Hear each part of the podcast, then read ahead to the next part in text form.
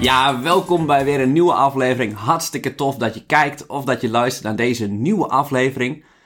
Als belegger is het mega interessant om te profiteren van megatrends. De cloudmarkt is zo'n megatrend. Consultants verwachten 30% omzetgroei de komende maand voor die cloudmarkt. Maar wat is die cloudmarkt nou? Dat is zo'n containerbegrip. Ik vind het moeilijk, ik lees er veel over. Het is, het is zo'n groot iets, het is zo abstractie soms voor mij. Daarom heb ik een specialist gevraagd, Marcel Hogestein. Marcel, welkom, het is een eer en uh, om met jou de cloudmarkt te mogen uitdiepen wie de belangrijkste spelers zijn. Wat is de cloud überhaupt? Maar kan je eerst beginnen met even kort wat over jezelf te vertellen en dan misschien al gelijk te vervolgen met wat is de cloud eigenlijk? Ja, leuk Roman. Bedankt voor de uitnodiging eh, voor de podcast. Hartstikke leuk. Uh, nou, ik ben Marcel. Ik ben uh, uh, 44 jaar en ik kom uit Zeeland. Ik heb informatica gestudeerd. Ooit lang geleden. Daarna heb ik een jaar of tien als consultant voor Capgemini gewerkt. in software development. En dat ben ik later zelfstandig gaan doen. eigenlijk altijd in maatwerk softwareontwikkeling. eerst als ontwikkelaar, later projectleider, architect. Ehm, later het coachen van, uh, van teams die met Agile en Agile Software Development aan de, aan de gang gingen. Uh, en eigenlijk altijd in heel verschillende markten, van uh, logistiek tot e-commerce. En, en nu, laatste tijd, de laatste jaren, eigenlijk altijd alles wat online is. En dus ook heel veel cloud. Inderdaad, ja. Ja, en, um, en alle, alle Microsoft, Amazon, Google, Salesforce, Shopify. Um, Snowflake, Cloudflare, allemaal bedrijven die pochen, we zijn cloud. We doen ontzettend veel met de cloud. Een groot deel van onze omzet of alle omzet komt uit de cloud. Wat, wat, wat is die cloud? Ja, cloud moet je eigenlijk zien als een containerbegrip voor alles wat online plaatsvindt. En eigenlijk alles wat niet lokaal meer op jouw computer, laptop, uh, telefoon, device staat. Dus eigenlijk alles wat online plaatsvindt. Oké, oké. En dat, dat is heel veel deze dagen.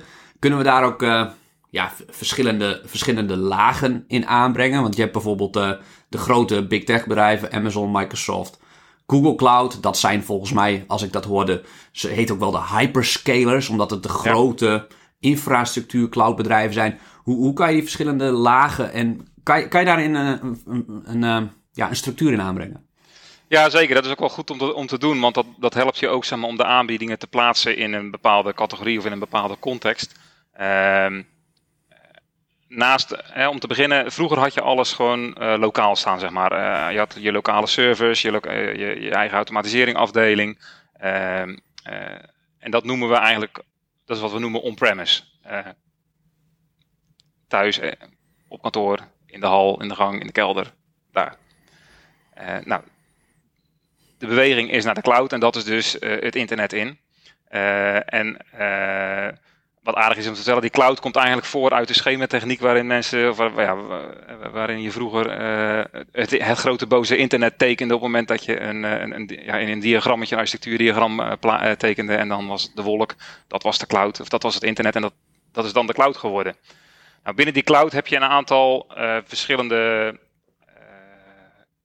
categorieën waarin je zeg maar, de oplossingen kunt plaatsen.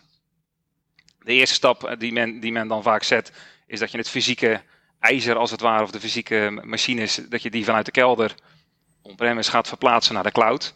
En dan is het eigenlijk infrastructure as a service, IaaS. Um, dat gaat dan om netwerkfunctionaliteit, het gaat om opslagruimte, uh, het gaat om servers, uh, die je eigenlijk virtuele servers die je dan huurt. Nou, dat maakt het allemaal het maakt het allemaal wat schaalbaar, omdat je het huurt. Je, je, je hoeft niet meer van tevoren dat, die hardware te kopen, te wachten tot het geleverd is, te voorinstalleren, et cetera. Dat is meestal dan al gedaan. En je kunt eigenlijk uh, gelijk uh, aan de gang. En, de grootste aanbieders daarvan, dat zijn Amazon en Microsoft. Op dit moment. Um, de volgende stap, en die, wordt al, die is eigenlijk uh, wat abstracter. Dat is platform as a service je hebt dan die, IA, die, die IA's, die infrastructuur as a service, en daarbovenop wordt dan een laag gelegd, gevormd door het besturingssysteem en wat aanvullende software, waarmee je dan zeg maar die machines kunt, of die, die, die ja, die, die, die cloud-entiteiten kunt, kunt beheren, kunt managen. Ehm, je kunt dan bijvoorbeeld denken aan, uh, aan de website die je ergens host. Die wordt in een bepaald. Jij als ontwikkelaar hoeft niet na te denken over uh, waar die machine staat en of die wel goed in het netwerk hangt en of die wel beveiligd is. Die staat ergens, die is ergens beschikbaar. Je zet je websiteje erop, om het maar zo te zeggen, en het draait. Dat is een vorm van een platform as a service.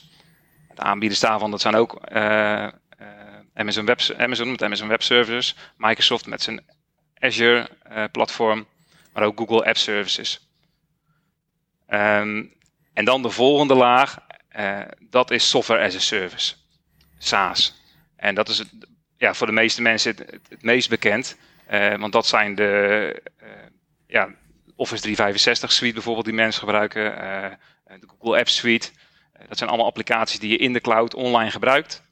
Ehm, ja, dat dus. Ja, ja. En kijk, wij nemen dit bijvoorbeeld op met Riverside. Uh, daar betaal ik een abonnementje voor. Dat is ja. denk ik een typische SaaS-oplossing.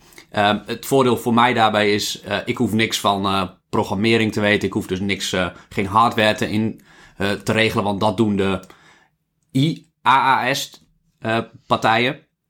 en de, het kan dus best zijn dat Riverside, de aanbieder van dit, een zelf een platform as a service gebruikt om dit soort te hosten. Want ik, ik lees dan ook dat een gemiddeld groot bedrijf uh, 120 SaaS oplossingen heeft inmiddels. Ja, ja. Nou ja, inderdaad, dat, dat klopt. Hè. Riverside, dat is, dat bijvoorbeeld ook een cloud oplossing. En uh, goed, Spotify of Netflix of, uh, of Exact Online of Dropbox of Gmail, dat zijn allemaal vormen van, van, van SaaS-oplossingen, inderdaad. En nou, het grote voordeel is dat natuurlijk van je, hè, je, je zegt het al, ik heb een abonnementje, je trekt je creditcard en je kunt aan de slag en je hoeft, je hoeft niks te kopen, je hoeft niet wachten tot het geleverd wordt, je hoeft niks te installeren. Uh, je drukt op een knop en je kunt aan de slag. Ja, ja. En, en je hoeft daarvoor dus uh, als bedrijf, kijk, ik, ik kan dat natuurlijk helemaal niet betalen, maar als groot bedrijf uh, is dan natuurlijk de afweging hoeveel IT haal ik zelf in huis en hoeveel uh, besteed ik uit door een infrastructuur uh, service of een platform service. Ja. Uh, en hoe, hoe meer SaaS je doet, kan je dan zeggen hoe minder IT'ers je zelf in huis hoeft te hebben? Um, ja, dat, wel als het gaat om, om, om, om beheren van je infrastructuur en om beheren van je, van je applicaties en je, en je software. Um, dus in die zin is dat zeker zo. Um, en zeker als het gaat, eh, als, je, als je als bedrijf steeds meer gaat richting kant-en-klare SaaS-oplossingen, uh, ja, dan is dat absoluut waar. Ja, ja.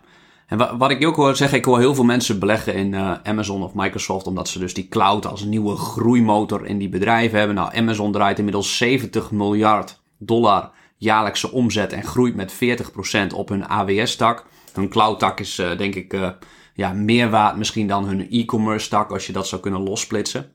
Jij zegt eigenlijk, um, ze zijn ooit begonnen misschien dat soort partijen als alleen IA's eerst, de opslag, de mhm. rekencapaciteit in de datacenter, dat aanbieden. En toen, uh, nu hoor ik je ook zeggen, ze doen ook platform as a service. Dus ze gaan eigenlijk een tandje omhoog in het, in het waarde toevoegen. Want dat is, dat is iets wat ik heel erg lastig vond te bevatten. Ik dacht eerst dat die infrastructuur, dat je dus dingen gaat opslaan op een andere plek, waardoor ik zelf geen server thuis meer hoef te hebben, dat dat een soort van commodity is. Dat is een hele simpele business en daar vallen geen hoge winstmarges mee te verdienen voor die bedrijven. Maar als je die huidige winstmarges van die bedrijven ziet, dan uh, is dat zwaar tegen te spreken. En dat is natuurlijk ook afhankelijk van, van de wisselkosten, de pricing power en hoe, hoe schaalbaar die, die netwerken zijn. Is, is daar over de afgelopen jaren een ontzettende verschuiving in geweest? Dat is mijn eerste vraag van uh, dat Amazon eerst alleen een IaaS bedrijf was, maar nu eigenlijk opschuift naar een platform as a service uh, keten? Ja, ik denk het wel. Dat, dat, die verschuiving die is. Uh, nou ja, wat ze natuurlijk zien is dat. Ze hebben er natuurlijk ook belang bij op het moment dat zoveel. Microsoft bijvoorbeeld, die verkocht vroeger alleen maar. ja, tussen aanhalingstekens alleen maar, maar die verkocht voornamelijk Windows licenties. Uh, en ja goed, op een gegeven moment hebben ze door die stap te maken naar de cloud, uh, kunnen ze, zijn ze niet meer afhankelijk alleen maar van die licenties, maar is het model veel schaalbaarder geworden. Ze kunnen steeds meer software eigenlijk in hun Windows-omgeving hosten. dus je bent niet afhankelijk meer van één enkele licentie, maar je kunt er ja, je kunt het oneindig schalen en er komen nog veel andere interessantere verdienmodellen bij. Ehm, je kunt uh, bijvoorbeeld door uh, af te rekenen per CPU-tick, in plaats van per eenmalig een, een, een, licentie voor je computer die oneindig duurt. Of je kunt uh, afrekenen per gigabyte opslag per maand. Of je kunt afrekenen per hoeveelheid data die er door het netwerk heen gaat. Er zijn natuurlijk allerlei interessante ja, businessmodellen daarin ontstaan. En dat hebben die, dat hebben die cloudspelers ook wel gezien. Ja, ja, en daarom is het voor klanten misschien, als je dan kan afrekenen per hoeveel je gebruikt bijvoorbeeld, is het veel flexibeler voor een klant. Want een klant heeft bijvoorbeeld uh, een e-commerce bedrijf, moet bijvoorbeeld op Black Friday veel meer data kunnen verwerken, veel meer rekenkracht. Dus dan kunnen ze dan opschalen. Dat is eigenlijk wat jij zegt. Ja. En dat, uh, want ik kan me voorstellen dat het oude on-premise, dan, dan moest je altijd een maximum hebben, berekend op de maximum capaciteit wat nodig is. Terwijl die de helft van het jaar uh, misschien maar 10 of 20 procent van die capaciteit verbruikt. Absoluut. Dat, en dat is absoluut uh, het grote voordeel van cloud, want het is mega schaalbaar. Is, is het dan ook goed, goedkoper? Want uh, Amazon harkt dus 70 miljard per jaar binnen. Dat gaan uh, alle bedrijven gaan, gaan dat betalen. Dat zijn, dat zijn serieuze kosten. Is zoiets naast de flexibiliteit ook, ook goedkoper per saldo? dat is heel moeilijk te duiden. Uh, kijk, het voordeel was, dat was altijd wel dat als je, als je je ijzer, je hardware inkocht, dan wist je waar je aan toe was en dan kon je daar een inschatting van maken. Maar uh, ja, de cloud tarieven, zeg maar, hè, de, de, de, kosten die je uiteindelijk betaalt, die is, hoewel ze erg transparant worden, uh, worden gecommuniceerd, is het gewoon heel moeilijk om daar op voorhand een inschatting van te maken. Want je weet namelijk, je kunt het berekenen, je kunt het inschatten, maar je weet niet hoeveel mensen er op Black Friday bij jou, in jouw winkeltje komen winkelen. Dus je weet ook niet hoe ver je moet opschalen of moet uitschalen van tevoren om, uh, uh, ja, om dat te kunnen servicen. Ja, ja. Ja, dus je weet eigenlijk je kosten van tevoren niet. En het is niet altijd zo. Ik kan me voorstellen dat een partij die op Black Friday dan heel veel omzet draait, heel veel traffic genereert, dat dit dan ook omzet voor zo'n klant tegenover staat naast die hogere kosten. Maar dat hoeft natuurlijk niet, niet altijd uh, zo te zijn. Als ik betaal hier voor Riverside een vast bedrag per maand. En als ik dan heel veel daar gebruik van maken. En dan lopen die kosten voor Riverside waarschijnlijk wel op, want die moeten dat bij Microsoft of bij Amazon inhuren. Terwijl de opbrengst niet zo is. Dus dat lijkt me ook wel lastiger voor klanten om dat, uh, dat te berekenen en te budgetteren. Nee, voor zo'n hoster valt dat natuurlijk weg door de wet van de grote getallen. Maar voor een klant is dat natuurlijk absoluut, uh, ja, is, is dat echt wel moeilijk om te budgetteren. Het is wel eens uh, voorgekomen bij een, bij een start-up waarin we gauw zeg maar, de spullenboel uh, we Gouden Boost live wilden hebben. Dat hebben we in Azure opgetuigd. Uh, op dat moment uh, trok de IT-manager zijn creditcard om het maar even gauw te regelen, zeg maar. En de week erop, op zondagochtend belt hij me op van... joh, er is een paar duizend euro van mijn creditcard afgeschreven. Help! dat was niet de bedoeling. Ja. Ja, en, en, dat is, en dat hebben we gelukkig wel kunnen fixen. door het op een slimmere manier in te regelen en het op een andere manier te doen. Maar dat, dat zijn wel de dingen waar je tegenaan loopt als je een transitie naar de cloud gaat maken, ja. ja. Oké, Oké. en stel dat een groot bedrijf zijn uh, eh, IaaS-oplossing uh, via Azure laat doen. Hoe um, simpel is het dan nog om te wisselen? Nou, als het gaat om IaaS, dan is het, wel, is het in die zin nog wel overzichtelijk, omdat het echt om over infrastructuur gaat. Dus de service die je dan in de kast had staan of in de kelder, uh, die servercapaciteit die huur je dan online in. En of dat dan uh, Microsoft is, of dat het dan eh, AWS is. Uh, ja, het is eigenlijk virtueel ijzer. dus in die zin zijn die, die wisselkosten, dat is nog wel te overzien. Het wordt moeilijker op het moment dat je echt naar een PaaS-platform gaat. Want dan, dat zijn vaak applicaties die dan ook wel ja, dan wordt het een beetje moeilijk als SaaS-oplossingen ontwikkeld worden. Hè, dus als, als online, als cloud-oplossingen ontwikkeld worden. Maar om die optimaal te gebruiken, maak je er wel gebruik van ja, native cloud uh, technologie. En die wordt in zo'n PaaS-platform aangeboden. Uh, en op het moment dat je dan die stappen maakt en daarvan gebruik van maakt, en je applicatie zo hebt ontwikkeld, ja, dan is het naderhand heel moeilijk om te wisselen naar een Amazon die die techniek op een heel andere manier heeft geïmplementeerd, ofwel helemaal niet heeft geïmplementeerd. Ja, ja. En daar zijn, vandaar dat die Amazon en Microsoft en Google niet alleen infrastructuur aanbieden, maar ook PaaS-oplossingen om dan eigenlijk, ja, met als deelsdoel natuurlijk de klant beter te helpen, maar Ja. daarmee volg je ook de, de wisselkosten extreem. Nou ja, het, eh, ja, die wisselkosten, dat, zal, dat, dat, dat, is voor, eh, dat is voor hen natuurlijk ongetwijfeld mooi meegenomen. Maar goed, ik, misschien een beetje naïef, maar ik denk dan ook wel dat het hen erom gaat om de, om de, om de best mogelijke oplossingen te bieden aan de klanten om hun, eh, om hun software te kunnen maken. Eh, en eh, goed, ik, ken, ik kom vanuit de Microsoft hoek. hoek. Ik heb ja, eigenlijk in heel mijn maatwerksoftware carrière voornamelijk op de Microsoft Stack ontwikkeld en gewerkt. Dus ik ken de service offering van Azure dan ook redelijk goed. En daar zie je dat daar allerlei verschillende onderdelen met elkaar in samenhang eh, eh, werken, zeg maar, om zo'n om zo'n hè, zo'n cloud applicatie te kunnen ontwikkelen en te kunnen maken. En ik kan dat wat minder goed beoordelen waar het gaat om, eh, om Amazon. Maar daar zullen ongetwijfeld ook vergelijkbare technologieën zijn. Ja, ja, oké. Ja, dat is voor mij altijd heel. Dat is voor mij zo'n zo'n vaag iets. Als je dan Snowflake hoort, die groeit als kool. En dan Amazon heeft ook een oplossing daarvoor. Amazon Redshift. Eh, Microsoft heeft ongetwijfeld ook zo'n oplossing daarvoor. Ja. Eh, toch doet een Snowflake het best wel heel goed. En als ik dan op, soms ga ik wel eens op Reddit kijken van wat gebruikers dan vinden voor die typische data warehouse oplossing van, eh, van die partijen. Van wat maakt nou dat een klant voor de een gaat of voor de ander? Blijkbaar doen die niche-spelers wel iets heel goed. Ik kan me voorstellen dat meespeelt bij een klant dat ze niet alles bij Microsoft hebben willen draaien of alles bij AWS.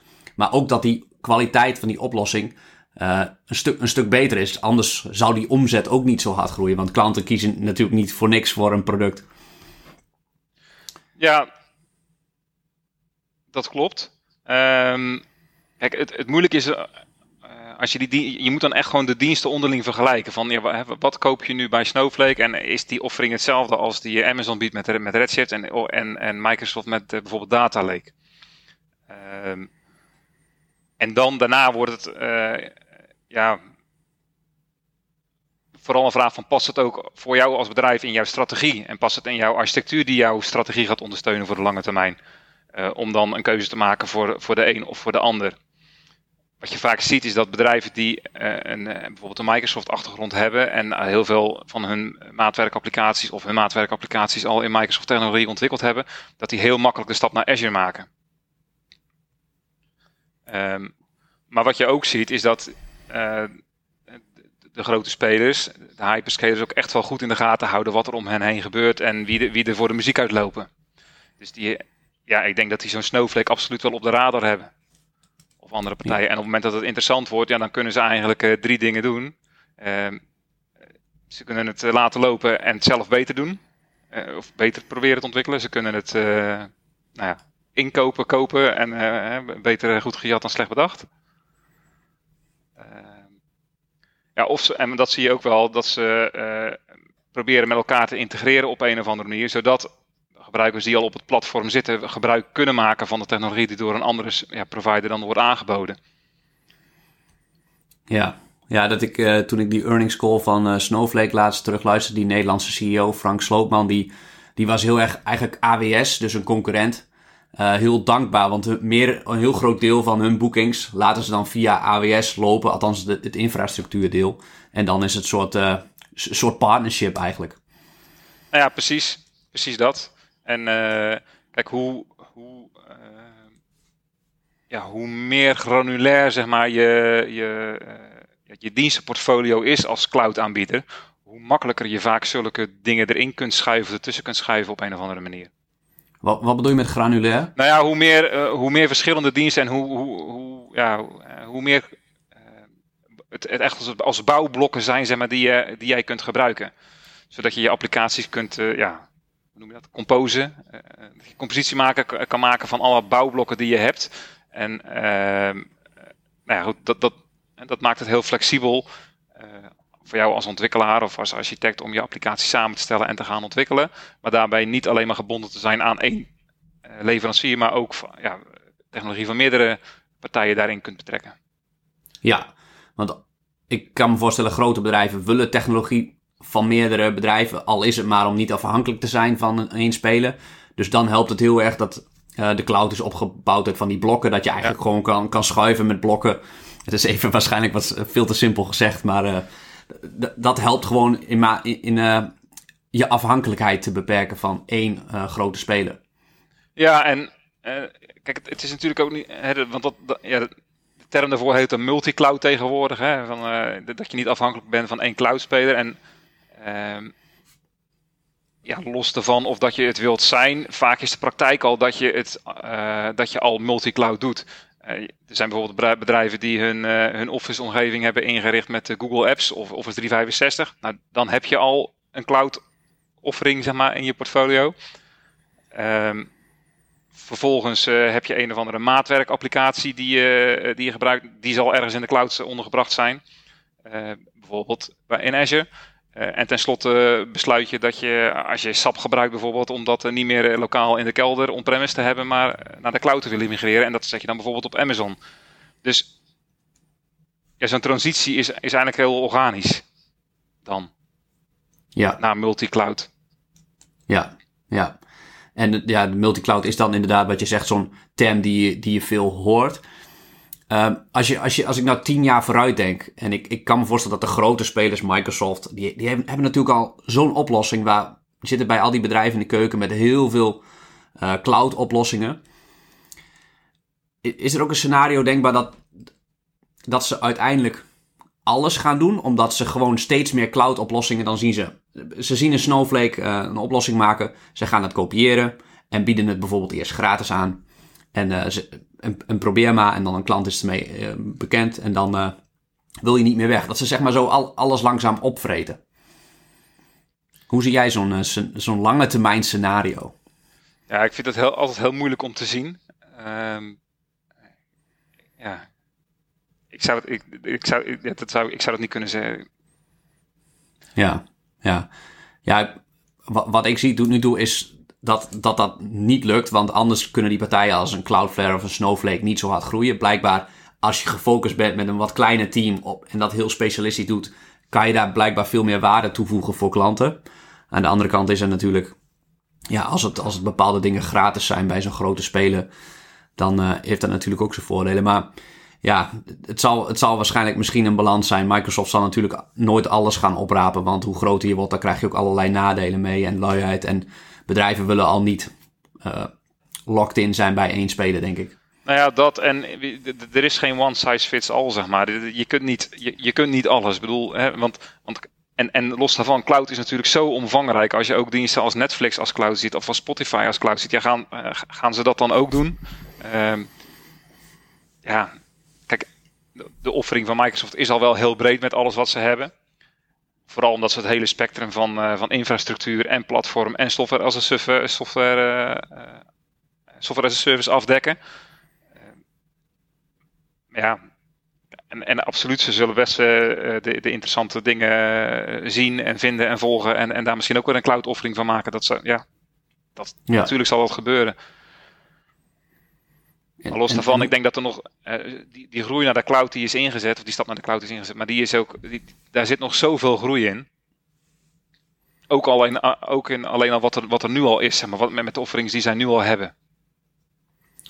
Hoe, hoe bedoel je dat? Die, die dingen die ze nu al hebben, uh, dat, om daar nieuwe klanten die nog niet eens in de cloud zitten op aan ja, te sluiten? Dat, of... Precies dat, ja. Oké, okay, oké. Okay.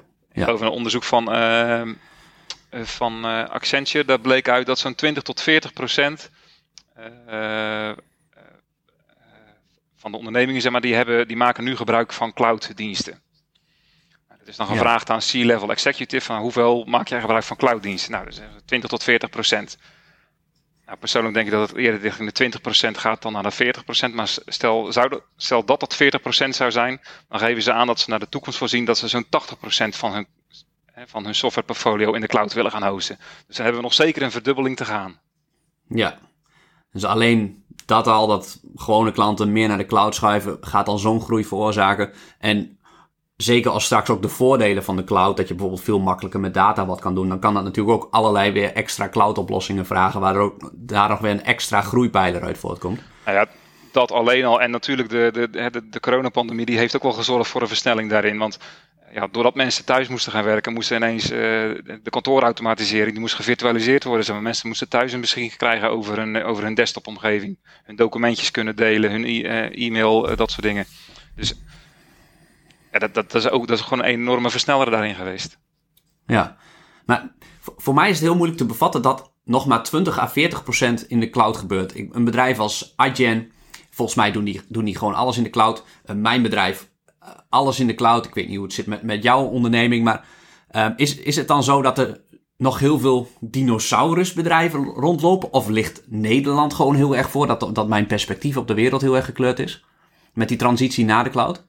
Nou, nou ja, kijk, wij zijn als kleine ondernemer snap ik dat je alles in de cloud doet. Wat dan... Zeker als je nu begint. Maar goed, er zijn ook nog genoeg mensen, die, eh, of ondernemers, die, uh, ook kleinere ondernemers, die met hun lokale exacte installatie hun boekhouding doen. Hm. Om maar een voorbeeld te noemen. En er zijn ook genoeg verzekeraars, bijvoorbeeld, die hun software gewoon nog ergens zachtzoemend in de hoek hebben staan en niet in de cloud hebben hangen. En als dat voldoet, ja, waarom zouden ze dan in de cloud hangen? Ja. Ja, want je hebt die, je hebt die kosten natuurlijk al grotendeels gemaakt. Je hebt al lopende kosten. En die, en die kosten zijn, die zijn gebaseerd op een bepaalde architectuur. En op, er zijn allerlei keuzes in gemaakt, zeg maar. En uh, nou, de ene applicatie is de andere niet. Sommige kun je makkelijk, tussen aanhalingstekens, migreren naar een cloud-omgeving. Maar bij andere is het gewoon absoluut uh, uh, ja, heel erg ingewikkeld. ja, als dan het enige voordeel daarbij is dat je het in de cloud hebt zitten, wat dat dan ook mag zijn, ja, waarom, zou je daar, uh, waarom zou je daar zoveel in, in investeren? Kijk, op een gegeven moment zijn die applicaties natuurlijk afgeschreven en dan, uh, of, of, veranderen de inzichten uh, en dan, dan besluit je opnieuw iets te gaan ontwikkelen en dan zal het absoluut wel cloud worden. Daar ben ik wel van overtuigd. Ja, ja, ik kan me ook voorstellen dat een, als een CEO ergens nieuw komt en die ziet dat alles nog uh, in de kelder staat, dat hij gewoon denkt van ja, ik wil naar de cloud. Want dat is gewoon heel erg hip. Um, ik wil niet dat mijn bedrijf zo ouderwets is. Terwijl het misschien nog niet eens financieel verantwoord is. Kan het wel qua reputatie dat je dat naar buiten kan brengen ook meespelen? Of zie jij dat niet zo? Mm, nee, dat, nee. Nee, dat denk ik niet. Ja, ja, nee, ja, ja. Maar ik ben er misschien ook niet zo gevoelig voor. Ja, ik kan me voorstellen dat de Chief Technology Officer uh, daar wat rationeler in staat en daar een uh, afgewegen beslissing over neemt. Ook op ja, want uiteindelijk is de vraag, wat, wat biedt het jou? Ja. Kijk, als je, met hem, als je echt uh, de, de, voordelen hebt in, in samenwerking, en, of, of, of, online, of dat mensen vanuit huis werken of van, van overal ter wereld bij dezelfde spullen moeten kunnen, ja, dan absoluut. Goed, als jij een, eh, een, een, eh, een programma ontwikkelt wat gewoon prima standalone kan werken, ja, wat is dan het voordeel van een cloud-oplossing daarvan? Ja, ja. Ja, ik snap het. Ik snap het. Ik, als ik op Reddit ga googlen, ga Reddit ga googlen, als ik op, via Google naar, op Reddit ga zoeken, dan, dan is, is ook niet eens iedereen tevreden met die transitie naar de cloud. Omdat er dus, wat jij aan het begin al zegt, dat er komt er wat kosten bij die je eerder niet had verwacht. Of je gaat meer uh, rekenkracht gebruiken, waardoor je daar meer, uh, meer van nodig bent. Dus dat niet iedereen per se daar tevreden is, maar dat iedereen wel verwacht, zoals jij zegt, als je van die interviews leest, hoeveel bedrijven gaan meer op de cloud doen? Ja, bijna iedereen. Ja. Ik verwacht dat nieuwe ontwikkelingen en uh, dat die ja, voornamelijk alleen maar cloud zullen, in de cloud ondergebracht zullen zijn. Ja. Ja, de twee hyperscalers, Microsoft met Azure en Amazon met AWS, ehm, daar, hebben, daar hebben we het al over gehad. Um, ik vind het heel lastig om, wat maakt nou dat de ene, het ene grote bedrijf voor AWS kiest en de andere voor Azure? Waar, heeft dat mee te maken? Wie bepaalt dat? Ja, uiteindelijk bepaalt het opperhoofd IT dat. Maar vaak is het, eh, wordt het ingegeven door de, door de historie die zo'n bedrijf al heeft met softwareontwikkeling. Uh, als zij hun hele spullenboel in Java ontwikkeld hebben, dan is de kans, dan is de stap naar uh, Amazon Web Services voor de hand liggend.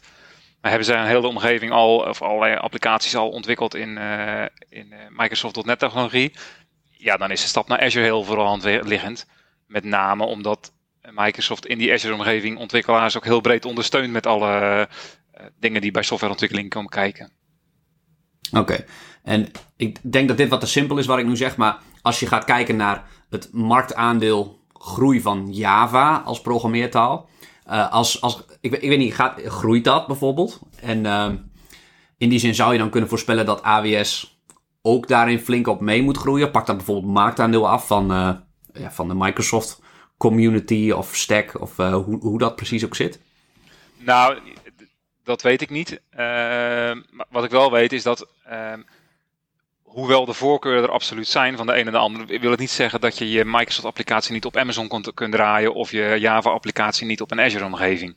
Dus in die zin uh, ja, zijn, die, zijn die platformen ook wel steeds minder afhankelijk geworden, zeg maar. Of steeds, hoe zeg je dat, voor een ontwikkelaar steeds abstracter geworden. Uh, ja. En, en, los van het feit dat er nu ook nog wel andere talen zijn die of heel erg, uh, die of snel, heel erg snel vooruit gaan, zeg maar, in marktaandeel. Dus dat is een lastige. Voorheen was het altijd heel erg Java versus Microsoft. Um, ja, ik weet niet hoe dat in de toekomst gaat zijn. weer. Ik weet het niet. Oké, oké. En Microsoft is natuurlijk later begonnen dan AWS met die cloud. je zou kunnen zeggen, ze zitten al bij al die bedrijven binnen. Je zegt, ze hebben een hele grote community developers. Dat zou ook kunnen zeggen dat ze die groei veel makkelijker kunnen aantrekken dan een AWS dat doet. Omdat die misschien veel moeilijker bij de, ja, bij de Microsoft klanten eigenlijk binnenkomt. Ja, ik denk dat als je eh, dat Microsoft daar zeker een voordeel heeft voor hun, uh, ja, met hun klantenbestand die, uh, die al heel veel diensten bij Microsoft afnemen, absoluut. Ja, ja.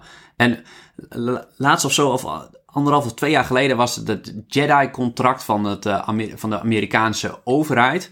Die wilden hun, daar was 10 miljard mee gemoeid, een heel groot contract. En die wilden dat of bij AWS laten doen of bij Azure.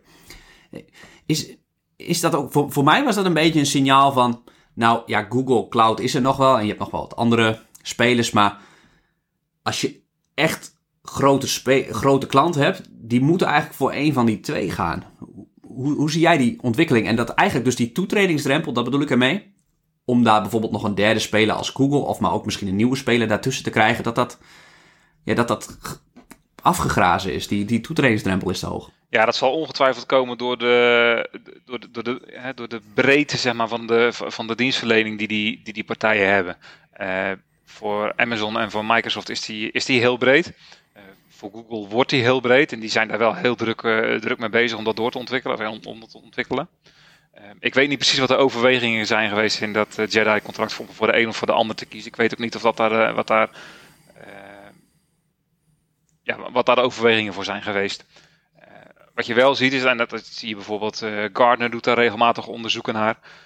dat, die zien Microsoft en, en Amazon echt wel als de, de leaders zeg maar, in, de, in die sector. En uh, Google die komt daar iets in achterop. Uh, Google is het, volgens mij ook nog de enige die daar, uh, van die drie die daar verlies op maakt zeg maar, hè, op, hun, op, hun, op hun cloudontwikkeling. Microsoft en Amazon inmiddels niet meer. misschien dat dat nog overwegingen zijn die hebben meegespeeld, ik weet het niet. Ja, ja. Ja, en je, je hoort ook wel eens de spelers dat ze of in ieder geval de infrastructuurspelers, dat ze de prijzen voor klanten. Amazon loopt altijd te pochen dat ze 100 keer sinds 2006 de prijzen hebben verlaagd voor klanten. En dat is waarschijnlijk ook logisch, want die datacentra, dat wordt steeds goedkoper. Die chips krijgen steeds meer rekenkracht voor dezelfde prijs. Dus dat kunnen ze doorberekenen aan klanten. En je, ziet, je ziet ze nu zelfs eigen, eigen chips ontwikkelen. Heb je, dat, heb je dat ook meegekregen? Ik heb erover gelezen, ja, inderdaad. Ja, ja. En ja, want, want daarmee is zo'n toetredingsdrempel voor een nieuwe speler. Om, ja, je, je moet nogal wat, wat resources hebben om, uh, om een concurrent te, te, gaan beginnen. Ja, ik denk dat als je het echt in die, uh, in die, IA, IA, hè, die IA's hoek zoekt, zeg maar, de infrastructuur als server. Ja, dan, dan, ja, dat, dan heb je het wel lastig. En er zijn wel partijen die je doen. Uh, maar dan heb je het meer over de, kleine, de kleinere hosters, zeg maar, uh, om de hoek. waar je vroeger je website bijvoorbeeld hostte. En die bieden dat dan als hun cloud-oplossing aan. Uh, maar veel vaker nog zie je ook zie je gebeuren dat, dat die partijen eigenlijk als een soort van uh, ja, OEM, de Amazon of de, de Azure Service Offerings leveren, zeg maar, maar dan onder hun eigen merk. En het bij de, in, ja, aan de achterkant hebben ondergebracht bij een van die partijen. Ja, ja. Ja, want ik, ik, ik zit voor mezelf een beetje. Ik, ik, ik wil graag beleggen in cloudbedrijven die actief zijn in de cloud. En je hebt al aangegeven, ja, dat is, dat is zo'n containerbegrip. Um, maar dat, dat infrastructuurdeel is voor mij best wel duidelijk. Daar heb je dus die paar grote spelers. Dat, dat is volgens mij ook een beetje afgegrazen. En dat blijft de volgende. Ja, dat is eigenlijk de, de motor van, van de cloud, zou je kunnen zeggen. Daar draait al die andere cloud op. Dus voor mij is dat wat, uh, wat veiliger qua belegging. Omdat ja, als, als alle SaaS-bedrijven groeien, ja, dan groeien Microsoft en AWS eigenlijk ook. Want die, die laten dat daarop draaien. Dus die hoeven daar eigenlijk ook niet zoveel voor te doen voor die groei eigenlijk. En, en, en het is een soort van duopoly, oligopoly markt. Dat maakt het voor, vanuit beleggers, van mijn perspectief in ieder geval, misschien heb ik het mis, maar maakt het best wel veilig en stabiel. En als je dan van die megatrend kan profiteren, is het, is het heel aantrekkelijk. Ja. Um, en terwijl bij een SaaS-bedrijf, uh, zoals dit Riverside wat we doen, of onze website die op Wix draait, ja, die moeten wel gewoon voor klanten hele gave producten maken, want die moeten daar continu om die klanten vechten. Dat is veel meer, veel meer een vechtersmarkt. En veel meer productontwikkeling ook. Want ja, het ene product is het andere niet. Wat, wat, wat biedt jouw product ten opzichte van het andere? Uh, ja, hoe, ziet jouw, uh, hoe ziet jouw prijsstelling eruit? Daar, en daar heb, je, ja, daar heb je natuurlijk veel meer mogelijkheden in. Ik bedoel, je, Netflix is een, is een, is een clouddienst. Riverside is een clouddienst. En noem eens wat, Exact Online is een clouddienst. En ze zijn totaal niet met elkaar te vergelijken. Nee, nee. nee en, toch schermen bedrijven ermee. We hebben een PAAS-oplossing, CM, CM.com bijvoorbeeld. We hadden de CEO laatste gast. PAAS, maar die rollen ook SaaS-diensten uit. Ja. Uh, ja, voor mij is dat heel lastig in te schatten. Is, is nou een PAAS voordelig vanuit beleggingsperspectief of een SaaS-oplossing? Of toch, of toch wat, wat voor mijn perspectief wel veilige deel, dat infrastructuur uh, cloud. Heb, heb jij daar gedachten over? Nee, nee als het gaat om veilige beleggingen, dan, ja, dan, dan, dan zou je inderdaad kunnen denken richting de, richting de infrastructuurspelers. Uh, maar nee, ik vind dat heel lastig. Want sowieso is er natuurlijk ook heel veel uh, zeg dat, ja, bustalk in, zeg maar. Hè? Dus in, iedereen die wil SaaS doen, iedereen die wil PaaS doen. En ja, wat is het dan nu echt? En, en je, je moet er dan echt wel induiken om te, om te begrijpen hoe zijn dienst werkt, wat het is. En als ze dan paas doen, wat dan, hè, wat dan die toegevoegde waarde daarin is. Dus ja. dat... en dan, dat, dat is best lastig om te doorgronden. En dan de toegevoegde waarde bedoel je dan ook vooral de toegevoegde waarde voor de klant. En als de klant veel toegevoegde waarde ervaart, dan kan je, daar, kan je daar wel geld mee verdienen. Nou ja, precies dat. Ja, als de klant daar veel toegevoegde waarde vindt, maar ook als, jij, als, als je daar als ontwikkelaar bijvoorbeeld veel toegevoegde waarde ziet om de spullen van CM te gebruiken. Ja, ja ja. beleg je zelf ook eh, in de cloud? Ja, toen ik in, uh, uh, met, met een grote dip in de coronapandemie zelf mijn aandeeltjes ging selecteren, was Microsoft wel de eerste die ik kocht. Maar vooral eigenlijk omdat ik ja, daar al heel veel kennis van had. En het bedrijf, de dienstenverlening ervan ken. Ehm, en later heb ik Adyen gekocht als cloudbedrijf. Dat is ook officieel mijn eerste multibagger. Ja, ik wou zeggen, dat is niet verkeerd. ja. Ja. En eh, in de zomer vorig jaar heb ik Shopify gekocht, maar dat is een ander verhaal. ja, ja, daar praten we later over. Ja, maar oké, en dan, als je dan zo'n Adyen koopt, kijk je dan ook naar hun technologie stack? Of is het dan ook, uh, heb, heb, jij daar, heb je daar een beetje zicht op? Nou, ik heb niet zozeer naar hun technologie stack gekeken. Ik heb wel ervaring met, uh, met, hun, met hun dienstverlening, zeg maar. Omdat we dat in een aantal ja, e-commerce applicaties hebben gebruikt en ingebouwd, zeg maar. En uh, ja, die staken toen voor mij wel met kop en schouders boven de andere partijen uit die we toen hebben, we, hebben we vergeleken. Ehm, dus ja, op basis daarvan heb ik daar, leek me dat een goed idee. Ja.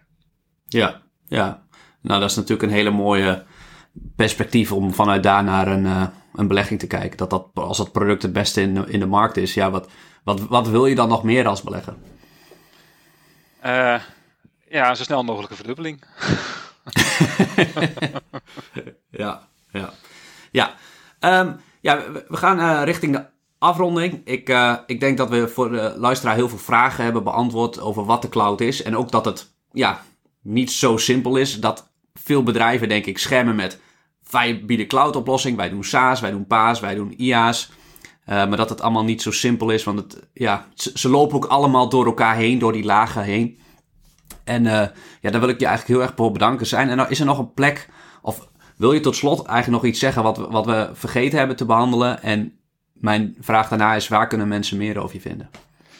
Ehm, nee, ik heb, nee, ik heb niet zo heel veel aan toe te voegen. Ja, het is, uh, ik, ik, kan me voorstellen dat het een wat, wat ja, onderzichtig of schimmig gebied is. Maar door, het, door de dienstverlening van cloudspelers in te, in te delen in, in die categorieën, dus infrastructuur, platform of echt software as a service, hoop ik wel dat je er iets meer gevoel bij hebt gekregen van wat, ze, wat die partijen nu precies, precies doen en waar ze dan in die markt zitten. Um, dus ja, ik, heb, ik hoop dat ik daar iets aan iets heb, kunnen, iets heb kunnen verduidelijken. Zeker, zeker. Je stuurde trouwens op de mail ook nog dat plaatje over wat nou het verschil is. Dat geeft qua structuur ook wat inzicht. Ik zal dat ook uh, doorsturen naar de, de beleggersbrief-abonnees. Uh, ja. Als de podcast live staat, dan als je daarop wil abonneren, ga naar robannijboek.nl slash brief. Dat is Siri die wakker wordt. Um, waar kunnen mensen meer over je vinden? Ja, LinkedIn, dat is de makkelijkste plek. Ja. Oké, Marcel Hogenstein is de naam. Marcel, hartstikke bedankt. Uh, ja, wij gaan, uh, wij gaan hier vanuit de cloud um, weer naar, onze, naar onze, onze werkelijke wereld. En het metaversum komt er natuurlijk ook aan. Dat is natuurlijk per definitie daadwerkelijk ook wel. Dan wordt het wel heel erg. Um, ja, dan wordt de cloud wel heel erg echt, zeg maar, zou je kunnen zeggen. En daar gaan nog heel veel dingen in gebeuren. Ja, ik, jou, jou een beetje kennende, dat, dat metaversum, vind je dat, vind je dat allemaal wat gehyped? Of zie jij daar gigantisch uh, nuttige toepassingen in? Als slotvraag. nou, voor nu is het vooral nog een hype. Uh, voor mij. Uh, maar ik zie wel dat de cloud daar een enorme enabler is om, die, om, om, om, dat te kunnen brengen, zeg maar. En ook daarvoor zal gelden van, ja, wat, wat, wat de een in het metaversum, gaat doen, dat zal iets heel anders zijn dan wat de ander gaat daar, daarin gaat doen. Dus uh, ja, we gaan het zien. Het is net zoiets als de, als de grote digitale snelweg uh, kreten vroeger. En de, nou ja, dat, dat soort dingen. Dus ik ben, uh, ik ben benieuwd wat het ons gaat brengen. Ja, helder. Marcel, dankjewel. Luisteraar, bedankt voor het kijken of luisteren en graag tot de volgende week. Dankjewel.